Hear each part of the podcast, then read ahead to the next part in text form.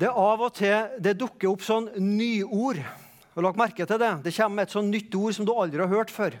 Jeg har lært ett, og det har du også sannsynligvis, de to siste ukene. Og det ordet krymflasjon. Ja, har dere hørt krymflasjon? Ja. Du går og kjøper seigmenn, vet du, så er det samme prisen, men det har blitt litt, uh, litt mindre seigmenn oppi. Eller uh, bamsemums, så har de krympa. Og så betaler vi det samme, og så tror de at vi ikke oppdager det. vet du. Og så betaler vi det samme. Det er Orkla jo en, eh, ble jo hengt ut i media, og det er jo litt trist. da. Jeg som kommer fra den kommunen som det, det bedriften der er oppkalt etter. Men de ble da avslørt og driver med krymflasjon. Og Grunnen til jeg nevner det, det er at jeg har oppdaga at en del her i Misjonssalen som også frykter for krymflasjon i Misjonssalen. Um, at man tenker at oi, nå slår det også inn i Misjonssalen. Nå får vi mindre og kortere preike for den samme kollektsummen. Så jeg kan berolige det vil ikke skje. Du vil få samme lengden, eller kanskje enda litt mer bonus på kjøpet for samme kollektsum. Bare så jeg har beroliga folk med det. Og hvis du ikke lo nå, så har du dårlig humor. Så enkelt. Ja, da tar vi en overgang til det litt mer seriøse, um, og vi ber sammen. Herre Jesus Kristus, du har gitt oss en frelsens hjelm. Putta på vårt hode. Putta på Linnea sitt hode i dag i dåpen. Putta på hver enkelt av oss som bekjenner ditt navn, Jesus. Frelst av nåde. La denne hjelmen alltid være på oss og beskytte oss, Jesus. Amen. Og For du som ikke har vært her kanskje på en eller to eller tre møter i høst, så har vi en taleserie over Efeserne kapittel 6 om Guds fulle rustning. Den starta vi på med i september og skal holde på med den til i midten av november. Og Du kan gå inn på vår hjemmeside misjonssand.no eller podkastside og få med deg disse talene som er holdt. Men vi skal starte med å lese bibelteksten fra Efeserne 6, vers 10-18. For øvrig, bli sterke i Herren i Hans veldige kraft. Ta på dere Guds fulle rustning, så dere kan holde stand mot djevelens listige angrep. Vi har ikke en kamp mot kjøtt og blod altså mot mennesker. Men mot maktene og myndighetene, mot verdens herskere i dette mørket, mot ondskapens ånde her i himmelrommet. Det er vår kamp. Og hva er, hva oppfordringa? Jo, ta derfor Guds fulle rustning på, så dere kan gjøre motstand på den onde dag og bli stående etter å ha overvunnet alt. Stå ombundet med sannhetens belte om livet det har vi hørt om tidligere, om å være iført rettferdighetens brynje. hørte vi om forrige søndag. Ha som sko på føttene den beredskap som fredens evangelium gir. Det har det også blitt talt om. Grip framfor alt troens skjold, som dere kan slokke den ondes brennende piler med. Det har vi også vært innom. Og så i dag ta frelsens hjelm og åndens sverd, som er Guds ord. Be til enhver tid i ånden med all bønn og påkallelse. Vær årvåkne i dette med all utholdenhet i bønn for alle de hellige. Dette er rustningen sånn som den muligens eh, mer eller mindre så ut på den tida. Og I dag så er det selve hjelmen vi skal stoppe med. Hva tenkte Paulus på når han bruker hjelmen som et bilde?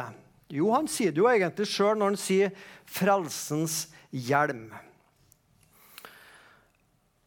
Jeg har tidligere for en måneds tid siden snakka om tre kamper vi som kristne i alle fall står i.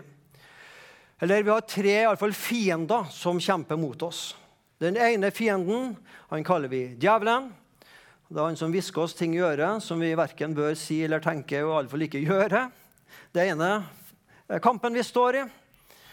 Andre kampen er fristelser Jeg vil vel ikke akkurat si at den ene fristelsen der er så veldig syndig. da, Det med kaka. Det så jo veldig godt ut. Men eh, det var de bildene jeg fant da jeg googla fristelse. Ja, Det kan være forskjellig fra de forskjellige av oss. Og så er det den tredje kampen. Det er den kampen vi har inni oss mot syndenaturen, eller kjødet, om du vil. Den kampen som vi lever i og står i og kjenner på helt til den dagen vi legges i ei grav. Meg sjøl. Det er egoisten i meg. Meg sjøl. For en par uker siden så snakka jeg om å beskytte hjertet med troens skjold. Vi snakka litt om det her med kamper som er eh, kamper jeg står i, med synd, med bekymringer og med indre sår. Og igjen, alt dette pluss de andre talene som er holdt, kan du finne på vår podkastside. I dag skal det handle om frelsa. Og når du hører ordet slave, så tenker kanskje du sånn som jeg tenker, på eh, afrikanske slaver som på 1800-tallet ble skipa fra Afrika eh, og til USA. De ble lenka sammen, ført på slaveskip over havet.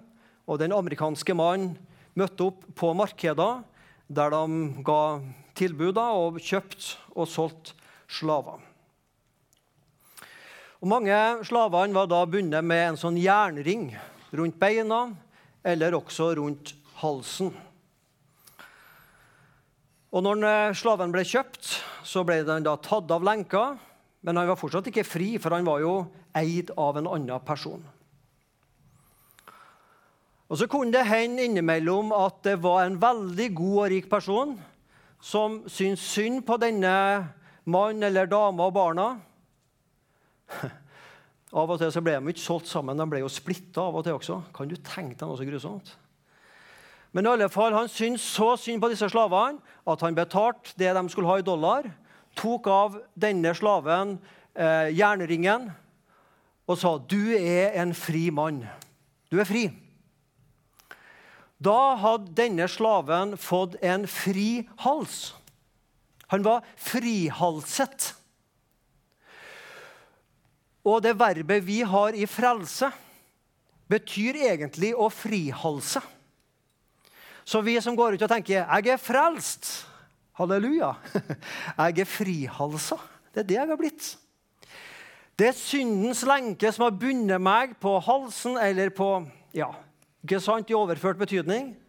Så har Jesus kommet, satt meg i frihet, og jeg er frihalsa. Jeg er frelst. Det betyr selve ordet frelse. Å få denne eh, ringen tatt av. Du og jeg vi er i utgangspunktet åndelige slaver. Egoistiske følelser, begjær, lyster styrer oss, binder oss. I tillegg så lar jeg meg litt oftere enn jeg er villig å innrømme, styre av folkemeninger. Og bak det hele så står det en ond djevel som frister meg og binder meg i synd. Og Hans hovedoppgave er å ødelegge den friheten vi eier i Jesus Kristus. Alt endra seg heldigvis ved Jesus Kristus, hans person og hans frelsesgjerninger. Jesus Kristus kjøpte oss fri fra det som bandt oss.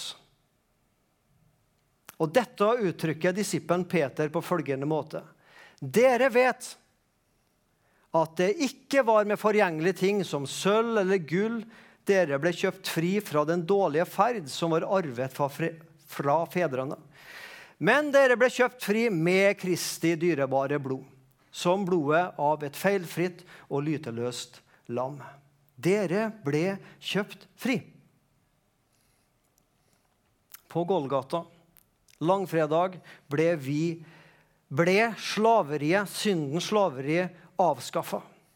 Vi ble frelst. Syndelenkene ble tatt av oss. Eller mer presis, vi ble gitt muligheten til at syndelenkene kunne blitt tatt av oss på Golgata.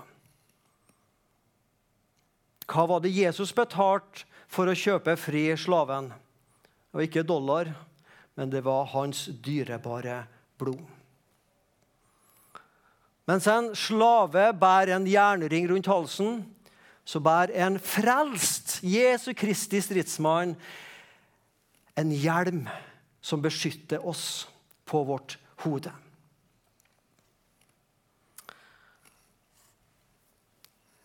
Det er hva ordet frelse betyr. Å bli satt i frihet fra syndens skyld og fra syndens makt. For synd er ei skyld overfor Gud, men synd er også en makt som binder oss til ondskap. Men hvordan skjedde denne frikjøpelsen? Jo, det skjedde ved Jesu blod, ved Jesu kors og oppstandelse. Og det skjer ved dåp og tro. Den som tror og blir døpt, skal bli frelst, sier Jesus i Markus 16 men den som ikke tror, skal bli fordømt. Tro og dåp hører sammen, og det har vi også opplevd i dag. Hvordan tro og dåp hører sammen. For dersom du med din munn bekjenner at Jesus er Herre, og du i ditt hjerte tror at Gud har reist ham opp fra de døde, da skal du bli frelst. Du skal bli frihalsa. Med hjertet tror en til rettferdighet, og med munnen bekjenner en til frelse. Romerne kapittel 10. Tro, dåp, bekjennelse, Jesu blod. Det er måten du og jeg blir frelst på. Og Det er ingenting inni der som snakker om gjerninger og hva vi skal gjøre og hva vi skal prestere. Det gjelder ikke. Nå er det bare det Jesus har gjort. Hva gir frelsen oss? Har du tenkt på hva du fikk da du ble frelst? Johannes 1,12. Alle som tok imot Jesus, dem gav Gud rett til å bli Guds barn. Hver gang jeg leser det bibelverset, så tenker jeg på denne sangen som kanskje min generasjon, i hvert fall, og iallfall dem som er eldre enn meg, lærte som barnesang. Jesus har satt meg inn i barnekåret sitt. Husker du den? Jeg møtte en dame en gang som i hele sin, en del av barndommen trodde at det sto 'Jesus har satt meg, satt meg inn i badekaret sitt'. Men det var ikke det det sto. altså. Satt meg inn i barnekåret sitt. Det var det Jesus har satt oss inn i. Vi er Guds barn. Amen til det. Vi har fått Gud til far, Jesus til bror og Den hellige ånd som en følgesvenn som bor i hjertet. Det er gaven du og jeg har fått når vi er frelst. Vi har fått ei tilgitt fortid. Vi har fått ei nåtid her og nå med mål og mening, og vi får ei fremtid i himmelen. Det er det vi eier som kristne. Det er gaven Gud gir oss. Er vi med på det? Det er det som Gud gir oss. Og jeg som deg har hørt dette hundrevis av ganger opp gjennom åra. Og jeg ber, å kjære Jesus, må det aldri glippe. En ting er at det ikke må glippe selvfølgelig som frelse, men må det heller ikke bli en sånn selvfølgelig ting som jeg hører og hører. Ja, ja, frelst. Åh, må det gripe oss på nytt. Jeg er frelst! Jeg har fått tilgitt fortida. Jeg har et liv nå som har virkelig mål og mening. Og jeg har mitt hjemland i himmelen. Jeg er Guds barn. Jesus er min bror, og en hellige ånd bor i hjertet mitt. Ja, Det er det god grunn til å si amen til. Frelsens hjelm. Hva betyr frelsa? Det har jeg prøvd å gi litt svar på. Hvordan blir vi frelst? Det har jeg prøvd å gi litt svar på. Og så har jeg lyst til å bruke siste delen av talen på å snakke litt om hvem blir frelst? Og mer i forståelse av hvem blir frelst til slutt? Til himmelen. Vi har en kamp, snakker Paulus om, mot makter og myndigheter og diverse ting. Og mine preker kanskje ikke så Jeg vet ikke hvordan de andre har valgt det, men jeg har i hvert fall valgt i mine preker i denne taleserien å ta fram litt også kampmotivet. Vi står i en kamp mot synd og mot indre sår og mot djevelen og mange ting. Og vi står også i en kamp om forståelse av frelse. Hvem blir frelst til slutt? Finnes det frelse utenfor troa på Jesus Kristus? Blir alle frelst til slutt? Hvordan skal vi kristne tenke om frelsa, evigheten og dommen?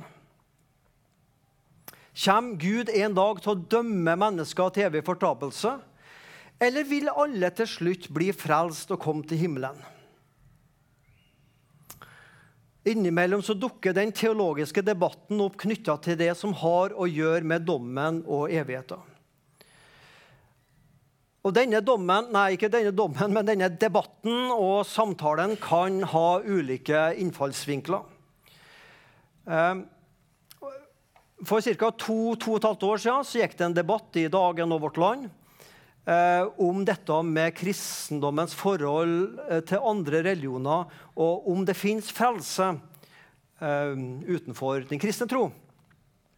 Og Det starta med at han som er biskop i Bjørgvin i Den norske kirke, Halvor Nordhaug, skrev ei interessant bok som heter 'Men hva med de andre?' Og Da ble det diskusjon. Og I denne boka, hvor Nordhaug da bl.a. tar opp forholdet mellom kristen tro og andre religioner, så stiller han noen retoriske spørsmål som bør vekke oss til ettertanke. Kan man som kristen finne sannheter også i andre religioner? Er kristendommen en eksklusiv vei til frelse? Og Biskopen han kommenterer sjøl alt står på spill i dette spørsmålet. Som kristen tror jeg at livet skal fortsette etter døden og gjennom evigheten. Og så spør biskop Halvor Norhaug hva med de andre, de som aldri har fått hørt evangeliet forkynt? Gode spørsmål. I løpet av ja, de cirka, siste ca. 70 åra så har det foregått en teologisk utvikling eh, både innen Den norske kirke, men også tror jeg, i flere andre kristne trossamfunn Eh, i synet på fortapelsens mulighet og realitet. Nå er ikke jeg så gammel, men de eldste blant dere husker kanskje den debatten som pågikk i eh, ca. 1953-1954. Eh, det vi kaller helvetesdebatten. Der den konservative teolog, teologiprofessoren Ole Hallesby ved Menighetsfakultetet og den liberale Hamar-biskopen Kristian Schjelderup eh, nesten bokstavelig talt røyk i tottene på hverandre. Altså, det gjorde de ikke, men det, det var en høylytt diskusjon. Og Det handla om synet på og forkynnelsen om fortapelsen realitet. Og igjen, De som er eldre enn meg og har fulgt den utviklinga, kan nok si det, at dette har endra seg radikalt hos mange. Eh, synet på fortapelsens realitet. Flere prester, pastorer og teologer i dag benekter i hele tatt at det fins en evighet borte fra Herren, altså en fortapelse. De har avlyst helvete. Og I tillegg, dette er ikke bare noe jeg tror, men jeg har lest det sjøl fra enkelte, så fins det altså prester og pastorer i dag som, som hevder at eh, alle kommer til å bli frelst til slutt. Uansett hva du egentlig tror på, og hva du har gjort i livet, og hva slags forhold du har til Jesus, så kommer alle til å bli frelst til slutt. Til og med Hitler, Saddam Hussein, og så kan du plutte på de navnene du vil. Vel, um, det som enkelte nok ser på som en positiv teologisk utvikling, ser andre, oss, andre av oss på som en sørgelig utvikling og en utglidning bort fra Bibelens budskap om frelse og fortapelse. Hva slags navn skal vi sette på disse ulike synene? Biskop Nordhaug i boka si skriver at han tidligere sto for det han kaller eksklusivisme. Her tenker man at mennesket kun kan bli frelst ved å høre evangeliet og tro på Jesus Kristus. I motsatt ende så finner du det vi kaller universalisme. Og Det er da det synet at alle blir frelst til slutt, uavhengig hva du tror på og hva slags forhold du har til Jesus. Og Så skriver biskopen at han sjøl nå har plassert seg en kategori litt imellom som han kaller for inklusivisme. inklusivisme. Og Ifølge dette synet så fastholder man at Kristus er eneste vei til frelse, samtidig som man tror at denne frelsen også kan gis til dem som aldri fikk høre om evangeliet og dermed heller ikke kunne tro. Så eh, Halvor Nordhaug vil fortsatt opprettholde spenninga mellom fortapelsens mulighet og håpet om at det skal gå godt med alle til slutt.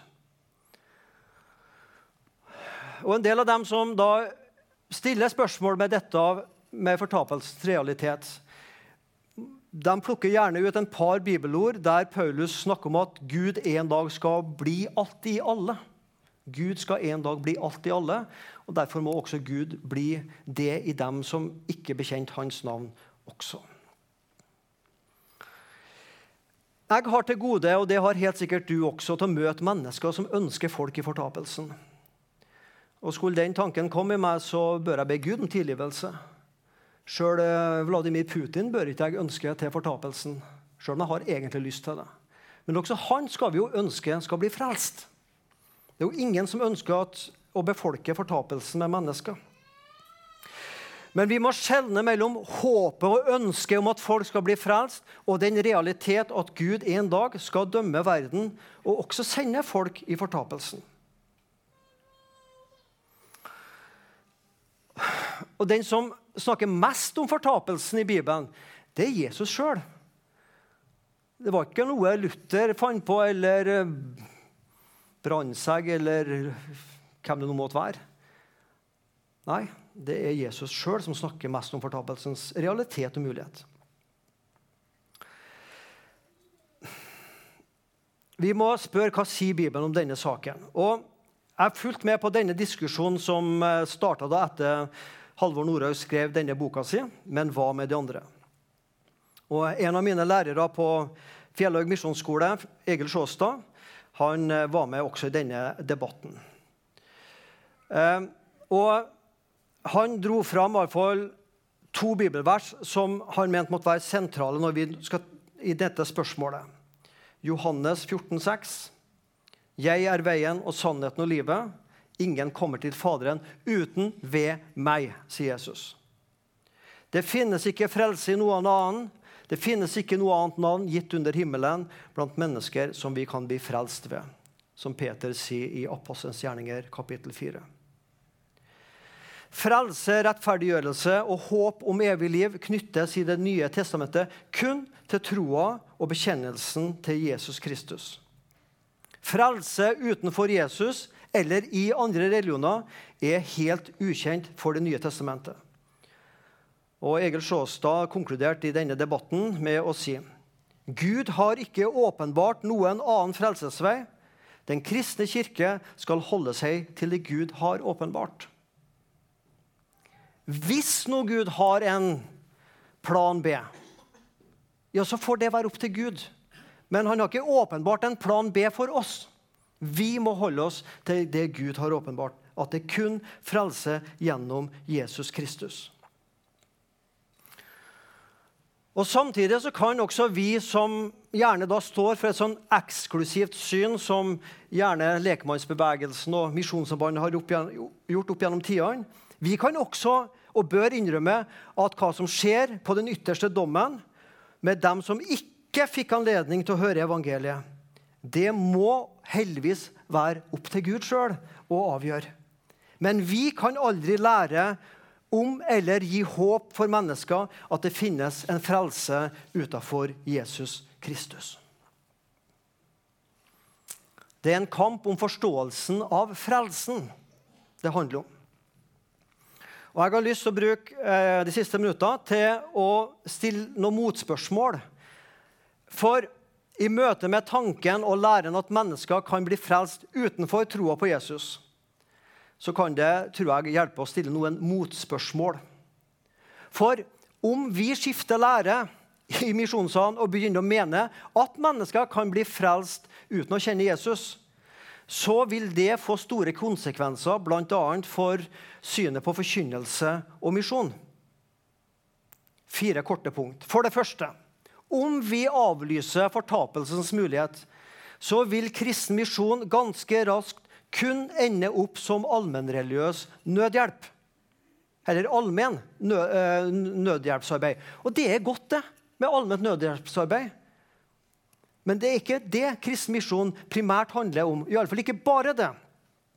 For hvordan skal vi forkynne omvendelse fra andre religioner til troa på Jesus, om at alle til slutt vil bli frelst, uavhengig tro og bekjennelse?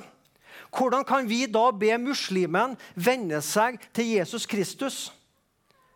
Hvis vi vet at muslimen likevel vil bli frelst om han fortsetter å være muslim. Når vi vet at muslimen ved å skifte tro til Jesus Kristus vil få problemer i familien, den plassen han bor, vil bli forfulgt og i verste fall kan bli tatt av dager. Hvordan kan vi ha frimodighet til å forkynne det hvis alle blir frelst til slutt? Men vi har den frimodigheten fordi vi tror at det er kun frelse Jesus.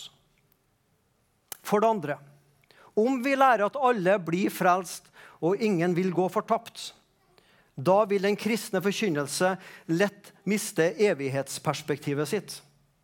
Vi vil fort sitte igjen med en dennesidig forkynnelse om å skape det best mulige liv for seg sjøl og andre her på jord. Og Det er ikke noe feil med å skape et godt liv her og nå. Men det er ikke bare det kristen tro handler om.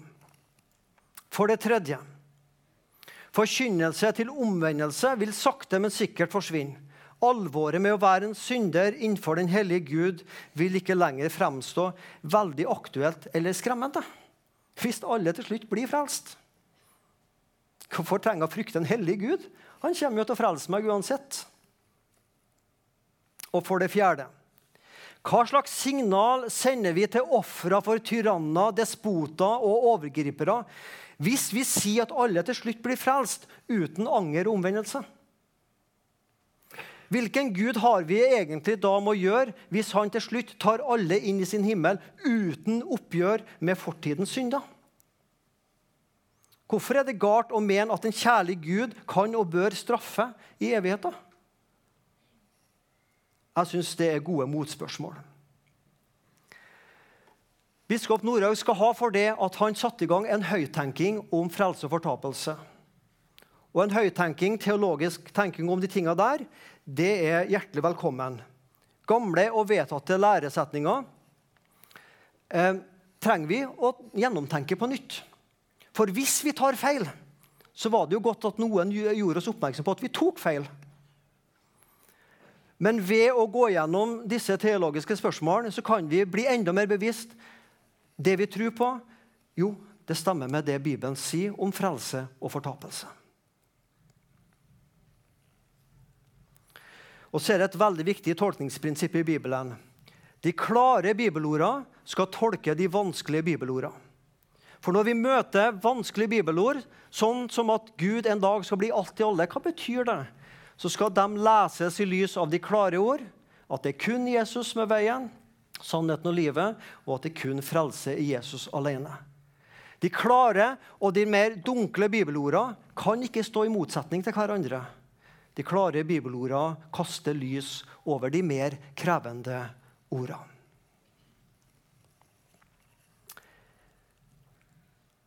Det ble litt sånn eh, halvbibeltime dette her, om frelse og fortapelse.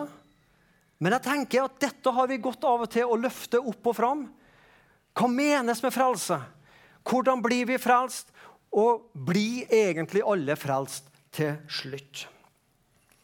Vi trenger frelsens hjelm som beskytter vår kristne tanke.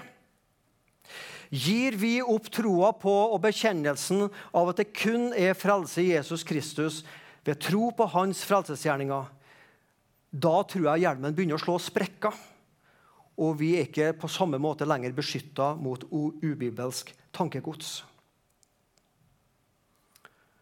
Du har fått en kort eller lengre alt som du vil kalle det sjøl, innføring hva betydninga er av ordet frelse å bli satt i frihet, frihalset. Om hvordan vi blir frelst ved dåp og ved tro og ved Jesu blod og bekjennelse til Han. Og hva frelsen gir oss, og at det er en kamp om forståelsen av frelsen, hvem som blir frelst. Og Nå skal jeg be litt av bønn, og så skal jeg etterpå um, bruke to minutter til å si noe om misjon for frelse. Herre Jesus Kristus, takk for at du har tilveiebrakt en fullkommen frelse. Takk for at det er du som plasserer denne frelsens jern på oss. Ingen av oss som tok den på oss sjøl. Den ble gitt oss, Jesus, i troa i dåpen. Den ble gitt av deg. Du skapte denne frelsens hjelm på Golgata og ved oppstandelser ved ditt eget blod. Herre Jesus, la oss alltid bære frelsen med oss uansett hvor vi går hen. Og må den også beskytte oss og vår tro og vår tanke. Amen.